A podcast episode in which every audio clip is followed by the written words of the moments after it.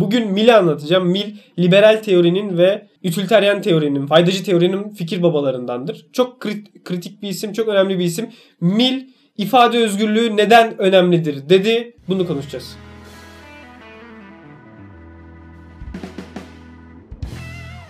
Mill ile ilgili çok güzel magazinel bilgiler var. Önce onları vereyim. İnsanların hoşuna gideceğine inanıyorum. Ben magazini severim. Sen sever misin? Hiç sevmem. Bak şimdi seveceksin. Mill'in babası James Mill döneminin önemli adamlarından. Ekonomist, tarihçi bir de bunların o dönem böyle bir şey var ya adamın 30 tane titri oluyor. Her şey. Aynen. 3 yaşında Yunanca öğretiyorlar. Antik Yunanca. Aristo'yu, Plato'yu kendi dilinden okuyabilsin diye. Hastalık lan bu. Bekle bak. 3 yaşında antik Yunanca öğrenmeye başlıyor. 8 yaşına geldiği zaman kendi kendine Aristo'yu, Plato'yu, işte Herodot'u orijinal diliyle okuyabilecek seviyeye geliyor. 8 yaşında Latince öğretmeye başlıyorlar. 11-12 yaşına geldiği zaman buna Adam Smith Ricardo'yu anlatmaya başlıyorlar. Politik politik ekonomi anlatmaya başlıyorlar. Adam 12 yaşında Wealth of Bitti, Nations bitti. okumuş. Aynen. Böyle bir eğitimden ne çıkar? Üzüldüm ya. Bu adam muhtemelen abi beni salın der. İlk fırsat bulduğu anda. Yani çocukluğunu yaşayamamış bir isimden bahsediyoruz. Kafa gitmiş tabii. Mill 19. yüzyılda yetişen, yaşayan en büyük Britanyalı filozof olabilir. En etkili Britanyalı filozof olabilir. Çünkü ütülteryenizmde, klasik liberalizmde çok çok çok çok çok önemli düşünce akımları.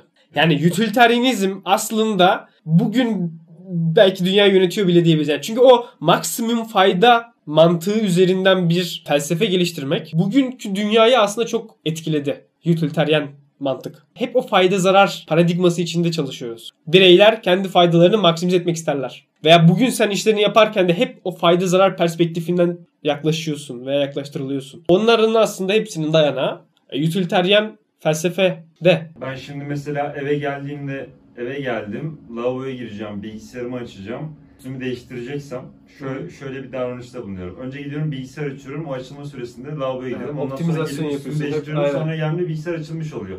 Mesela bunun sebebi de mi? Milli değil tabii milli değil de yani ama yine de çok güçlü bir şeyi sistematik bir şekilde ortaya koyan e, gelenek, utilitarian gelenek. Utilitarian geleneğin kurucusu Jeremy Bentham, oğlu da John Stuart Mill'dir.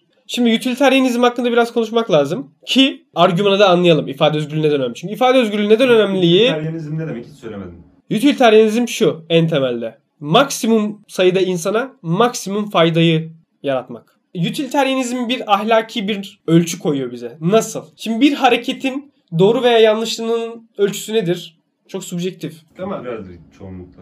Evet. İşte yani bir ölçü koyamıyorsun yani ahlak felsefesinde böyle bir problematik var ya yani doğru yanlış ne? Neye göre doğru neye göre yanlış? Bunlar diyorlar ki ya maksimum faydayı sağlıyorsa doğrudur, iyidir. Faydası yaratmıyor, zarar yaratıyorsa da bad'dir, evil'dır. Fayda da tartışılabilir ya ama. Tabii işin içine girdiğin zaman fayda ne, nasıl tanımlanıyor, maksimum insanın maksimum faydası neye göre belirleniyor bunlar soru işareti. Ama mantık olarak düşün. Teoride diyor ki bir aksiyon aksiyondan etkilenen insanlara maksimum faydayı sağlıyorsa iyidir. Zarar veriyorsa kötüdür. Dolayısıyla da bütün aksiyonların doğruluğu yarattığı fayda zarar üzerinden değerlendirilir. Etkisi üzerinden değerlendirilir. Evet. Bunu her şey için mi söylüyorlar? Her şey için söyleyebilirsin. Arkadaşlık ilişkisi için bile aslında o zaman. Mesela aldatmak iyi midir kötü müdür? Yarattığı etkiye bakalım. Mutlu hissettin ve mesela ilişkin devam etti. Ha öyle mi kurdun? Evet. ve bilmiyor mesela. o zaman iyidir. Öyle mi? E işte yani hesaplama kısmı zaten karışık anladın mı? Zaten bu teoriye yüklenen şey şu. En büyük eleştiri getiren eleştiri. Baba ne- neye göre yani? Mesela senin faydanla onun faydası farklı. Senin aldığın zevkle onun aldığı zevk farklı. Hangisi birbirinden üstün? Neye göre yapacağız? İnsanların bireysel olarak biricikliğine de karşı bir yola gidebilir aslında utilitarianizm. Ya çünkü şöyle düşün. Maksimum fayda perspektifinden düşün. Türkiye'deki her insandan zorla kan almak iyi bir şeydir. Daha çok kanımız olur. Ve de bu insanların hayatlarını kurtarır. Maksimum fayda sağlıyor. Kan vermenin bana bir zararı yok. Sana da bir zararı yok. Ama bunu yapmıyoruz. Çünkü her insan biriciktir ve araçsallaştırılamaz. Utilitarian mantık bir araçsallaştırmayı da meşrulaştırıyor aslında. Bu da kantçı, kantçı ahlakta hayır araç, araçsallaştıramazsınızdır. İnsan kendi içinde bir amaçtır. Dolayısıyla utilitarian mantık başka videolarda da kızıyorduk ya. Utilitarian mantık diyordum ben ona. Yani utilitarianizm aslında dediği şey şuydu. Maksimum insana maksimum fayda. Ama onun e, Açtığı yol. açtığı yol, gittiği yer insanın araçsallaştırılmasıdır. Her şeyin bir fayda zarar matematiğine dökülmesidir. Aslında mühendislik işine, bizim mekanikleşmemize dönüyor iş esasında. Evet. Tamam. Dolayısıyla Mill de aynı şey yapacak. İfade özgürlüğüne sahip olmak, bir ülkede ifade özgürlüğünün olması o ülkeye faydalıdır diyecek. O ülkede Yani ifade özgürlüğünün olması maksimum faydayı yaratırken olmaması o kadar faydalı bir şey değil. Zarar veriyor. Mill diyor ki 19. yüzyıla baktığı zaman bugün özgürlüklerin önündeki en büyük engel artık tiranlar değil. Tiranları geçtik. Artık demokrasimiz var. Artık başka bir şeyden korkmamız lazım. O da çoğunluğun fikrinin tiranlığı. Anladın mı? Yeni problem budur diyor. Son noktadaki problem budur. Yani insanların, bireylerin toplum baskısından, toplumun fikrinin ahlaki baskısından kurtulması lazım. Toplum seni doğrudan yargılamaz. Ama onun fikirlerine uymazsan senin üstünde dolaylı, aynen dolaylı cezalar verir sana. İki senaryo var temelde. Çok basit bir mantık. Bir, diyelim ki adamın fikri yanlış. Zor olandan gidelim. Adam yanlış bir şey söylüyor. Yanlış fikri baskılamanın şöyle bir sorunu var. Fikirlerimiz inanış olmaktan ne zaman bilgiye dönüşür? Bir inanışla bilgiyi ayıran şey nedir? Bilgiyi aslında test edilmiş şeydir. E, tam veri işte. Bir şeyin doğru olduğunu bilebilmemiz için o şeyin test edilmesi lazım. Yani başka fikirlerin bizim inanışımıza meydan okuması lazım. Ve o meydan okumadan sonra ancak diyebiliriz ki evet bizim fikrimiz doğruymuş. O mücadele olmadan, o, o münazara olmadan sadece senin inanışın bir ölü bir dogma diyor. Yani dogmayla bilgiyi ayıran şey bu yani. Dogma dediğin şey orada. Evet alıyorsun. Bu böyledir deyip alıyorsun. Hiçbir şekilde başka bir fikirle mücadeleye girişmemiş. Veri setine sokmadı. Aynen sorgulanmamış. Aynı zamanda sen bunu yanlış için de söylüyorsun. Yanlışın da o veri setiyle çarpışıp silinmesi gerekiyor. Aynen yanlış da kaybolacak. Kaybolmaya da bilir. Yanlış tekrarlanabilir. Fark etmez. Sürekli o mücadeleye de girebilir. Ama bir zararı yok bize. Aksine doğrunu doğruyu güçlendiriyor. Faydası bu. Doğru bir bilgiyi bastırmanın, susturmanın sıkıntısı nedir? Doğruya hiçbir zaman ulaşamıyoruz. Kendimizi yanılmaz varsayıyoruz. Değil mi? Ve aslında insanlık olarak doğruya ulaşmaktan alıkonuluyoruz. Ve muhtemelen de bunu şeye de bağlarsın. Medeniyetin gelişmesine de engel oluyoruz. Çünkü ne bileyim işte Galileo oradaki yaygın kanaati tekrar etseydi Başına hiçbir şey gelmeyecek. ama bilimsel ilerleme, medeniyetin ilerlemesi de gerçekleşmeyecekti. Medeniyetin ilerlemesi o günkü toplumun eleştirilmesiyle olur zaten. Statikoyu bıraktığın zaman statiko orada durur. Statikoda zaten bilinen doğrular vardır. Yeni bir doğru ekleyemezsin ona. Yeni bir doğru eklemek demek hayır siz yanlış söylüyorsunuzla başlar önce. Çok doğru. Yani bütün peygamberler yaşadıkları dönemde, yaşadıkları toplumlardan dışlandılar. Bazılarına işkence edildi, bazıları öldürüldü. Çünkü onlar o topluma hayır siz yanlış şeyi düşünüyorsunuz ve yanlış şeye inanıyorsunuz demişlerdi. Çoğu filozof da aynı şekilde. Aynen. Dolayısıyla bugünkü bütün elde ettiğimiz her şey birilerinin hayır siz yanlış diyorsunuz, yanlış düşünüyorsunuz demesiyle başlıyor. Birilerinin topluma karşı meydan okumasıyla başlıyor. Eğer o meydan okumaya alan vermezsen ki verilmiyor çoğu zaman yine de doğruların bir gün ortaya çıkmak gibi bir huyu vardır. En nihayetinde İsa'yı çarmıha gerdiniz. Ne oldu? Patladı. Patladı derken çok fazla Tabii ki. speed oldu. Bir şey yapamazsın. Yani ilerleme dediğin şey aslında bir şeylerin çarpışılarak değil mi? Tezin başka tezlerle çarpışıp sonra daha iyisinin ortaya çıkmasıyla oluyor. Ama bu demek değil ki sürekli Çarpışalım. yıkalım. Aynen. İyi kötü bir işleyen bir yapı varken bu yapıya karşı bir alternatif yaratmadan bu yapıyı yıkmaya çalışmak sadece büyük bir boşluk ve şey yaratıyor. Belirsizlik yaratıyor. Yani bugün modern toplumda e, birçok şey iyi, birçok şey de kötü. Neden sence birçok şey kötü? Mesela neden topluma karşı çıktık ve bireyi güçlendirdik sonra ne oldu? Birey, birey mi kazandı mesela sence? Birey yok oldu. Yani karışık o meselelerde. Yani o kadar sert değilim bu konuda. Bütün bu tarihsel perspektifte topluma karşı bireyi güçlendirdik. Bireyi özgür kıldık aydınlanmadan itibaren al. Ne oldu birey? Ne yaptı birey? Bireyin iyiliğine mi geldi? Birey delirdi abi. Bu iyi bir şey mi yani? Bilmiyorum. O yüzden şüphelerim var. Fikir özgürlüğü ve işte bir şeylerin meydan bir şeylere meydan okunması bence çok gerekli. O olsun. Ama bu demek değil ki ilerlemek için yıkmamız lazım sadece. Hayır. Sadece değil tabii. Yok yani yıkımı bu kadar yüceltmemek lazım. Yıkmak çünkü kolay bir şey. Evet. Yapmak daha zor. Yerine ne koyacaksın onu bir getir. Aziz Yıldırım çok kötü gitti. Ne oldu? Ne koydular yere? Ali Koç ne koydu? Sadece yıktı. Yıkmak kolaydır. Abi o yıkıcı tavır sayesinde biz aydınlanmadık mı? Aydınlanmanın Hatta- faydası ne abi? Hmm. Bence faydalı olan bireyin ruh sağlığının korunmasıdır. Bireyin ruh sağlığı kom- e, kolektivist bir kültürde daha çok korunuyorsa o daha iyidir. Bence. Ne oldu yani? Birey özgür oldu. Yani özgürlük Niye tek başına önemli bir şey olsun? Bir şey getirmesi lazım gibi geliyor bana. Tek başına önemli olması anlamsız geliyor. Daha mutlu oluyorsak olsun. Özgürlük şişirildi. Yani sen özgürlük alıp ne yapacaksın abi? Yani genel bir sorun var tamam mı? Ben buna çok takım bu arada gerçekten. Ya Bazı insanlar mesela ya özgür değilim. ya, ya şey Özgür olmak yüktür yük. Ya abi kafamda şu canlanıyor. Sen özgür olsan muhtemelen sıçarsın tamam? Bu Yani %99 sen sıçtın. Özgürlük, özgürlüğün bir bedeli vardır. Özgürlük o kadar iyi bir şey mi emin değilim. Bak şunu diyorum ben. İnsanlar özgürlüklerini elinden alın demiyorum. Başka bir şey tartışıyorum. Yani o özgürlüğü o kadar şey yaptık ya. Kutsallaştırıp övüyoruz ya. Doğru. Şeyleri de görelim ama. Bir bedeli de var. Bedelini ödüyorsun.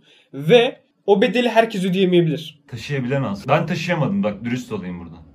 Taşıyamıyorsan o kadar da anlamlı bir şey değil. Onu kastediyorum ben de. Erik Fromm'un güzel bir kitabı vardır. Özgürlükten kaçış diye. Öneririm. Özgürlük bir bedel ödemektir. Onu herkes ödeyemez. Ödeyemedikleri için o totaliter rejimler kuruldu der. Erik Fromm. İnsanlar özgürlükten kaçtılar der. Özgürlüğümüzün yükünü yüklediğimiz otoriter sistemler bize o yükten alıyor ve çok büyük bir iş yapıyorlar ama bunu görmek o kadar kolay değil. Değil. Şuna bak. Biz mesela babanlarla annenlerle konuşuyorsun. Ben onların hiç ben ne olacağım kaygısı yaşadığını görmedim. Duymadım. Bir sıralama yapmış. Diş hekimliği, tıp fakültesi, hukuk, ziraat mühendisliği alt alta. Biri de geliyor gidiyor. Şimdi, şimdi bir de 18 yaşındaki şimdiki çocuklara bak. Ne olayım abi? Turizm mi? Bir yönetim bilişim mi? Hukuk mu? Ekonomi mi? E şimdi bu çok daha özgür. Bu çok daha fazla şey yapabiliyor. E ne oldu? Daha mı iyi oldu? Ne oldu yani hangisinin ruhsallığı daha iyi? Matematikselleştireyim bizi izleyen sayısalcı öğrenciler vardır. 5 bölü 100 küçüktür 2 bölü 4'ten abi. Yani daha az şey yapmak seni orada daha çok tatmin ediyor olabilir. Evet yani sınırsız şey yapabilmek çok büyük bir Yük yük. Yük abi ya düşünsene. Ya önünde bin tane seçenek var. Hangisini seçeceksin? Bir de köyde doğmuşsun. Baban çiftçi, sen de çiftçisin. Tek düşündüğün şey daha fazla hasat, daha fazla verimli bir şekilde tarladan bir şey çıkartabilmek. Gelen parayla yaptıkların belli. Hayatın belli. Olasılıklar belli. Bence bu adamın kafası çok daha rahattır. Platformu seyrettin. Platformda çok güzel bir sekans vardı. Orada şey diyordu yani en alt kattakilerin durumunun kötü olması gibi en üst kattakilerin de durumu kötü. Çünkü onlar karınlarının istedikleri gibi doyurduktan sonra bu boş zamanda kafaları yiyip kendilerini aşağı atıyorlar. Şey şey vardı bir tane filmde depresyon sınıfsaldır diye. Sınıfsaldır abi evet. Köylü adam giremez abi depresyona. Aynen. Domates toplaması lazım. evet aynen. 49'da hala abone olmadın mı? 49'da hala abone olmadın mı? Yani bu abone sayısı neden artıyor? Hala ben anlamadım. Sizler de kanallarımıza abone. Yani herhalde şöyle bir şey var. Biz videolarda kanalımıza abone olun insanlar Yani bu abone sayısı neden artıyor? 49'da hala abone olmadın mı? şey verdim. Buradan şu tartışmaya geçebiliriz. İfade özgürlüğünün sınırları ne? Oo. Mill diyor ki kabaca ifade özgürlüğünün sınırları başkasına verdiğin zarardır. Zarar prensibi. Yani dolayısıyla şöyle düşün. Mülkiyet hırsızlıktır demekte bir sakınca yok. Ama kalabalık bir kitle fabrikanın etrafını sarmış. İçeride patron var. Mülkiyet hırsızlıktır. Sizin bütün kötülüklerinizin sebebi bu adamdır. Hadi yürüyün dediğin zaman suç diyor. Çünkü onlar fabrikayı kundaklayacaklar. Doğrudan zarar diyorsun. Atıyorum o zarar fiziksel zararla mı sınırlı, psikolojik zararla mı? Psikolojik zararı getirirsen çorba oluyor. Ada benim kutsalıma saldırdın diyebilir. Beni kötü hissettirdin diyebilir. Dolayısıyla o bir baskı aracı haline gelebilir. E yani bunu neye göre belirleyeceğiz? Sınırları nereye göre çizeceğiz? Belli değil. Amerika'da şey vardı. e, özgürlük, özgürlükçü avukatlar olsun bunların adlarını unuttum. Bunlar Nazileri de savunuyorlardı. Nazilerin mahkemesini gönüllü olmuşlardı. Çünkü onların fikirlerinin de özgürce konuşulmasını biz savunacağız diyorlardı. Çünkü fikir özgürlüğü ya amasız olur ya da sıkıntı çıkar. Yani ama dediğin zaman bir sorun oluyor. Bunu görmek lazım. Amasız dediğin zaman da sorun ama. Değil mi? Hep sorun. Mesela o zarar meselesini artık günümüzde şuna çektiler. Foucault Moucault'dan sonra. Ee, söylemlerin pratik etkileri vardır. Söylemler bir güç ilişkisinin sonucudur.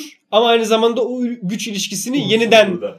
aynen yeniden üretir. Dolayısıyla o söylem başkalarının hayatındaki zararların bir Sebebidir. sebebi de olur aynı zamanda. Dolayısıyla mesela atıyorum kadınlar hakkındaki görüşleriniz veya kadınlar hakkındaki söylem kadınlara iyi araba süremez. Aslında bu söylemin bir somut etkisi oluyor. İyi araba süremiyorlar mı? Gibi ya da işte başka bir Yani Kötü o, bakılıyorlar. o paradigma içinde düşünüyor. Kadınlar da o paradigma içinde düşünüyor. Erkekler de o paradigma içinde düşünüyor. Herkes sana öyle yaklaşıyor. Sen de onu biliyorsun. Dolayısıyla aslında senin orada yaşadığın sorunların bir sebebi de o söylem. O söylem olmasaydı bu sorun olmayacaktı diyorlar. Şimdi bu perspektiften bakınca şeyi görüyorsun değil mi? Nasıl ifade özgürlüğüne çok rahat bir şekilde Müdahale edilebiliyor. müdahale edilebilir. Ki bunu ediyorlar. Bugün ana akım batıdaki hegemonik ideoloji diyelim Onlar mahalle baskısıyla mı yapıyor ama bence? Ee, şey oldu. Özgürlükçü bir ideoloji değil artık. Yo yo yo. Kesinlikle değil.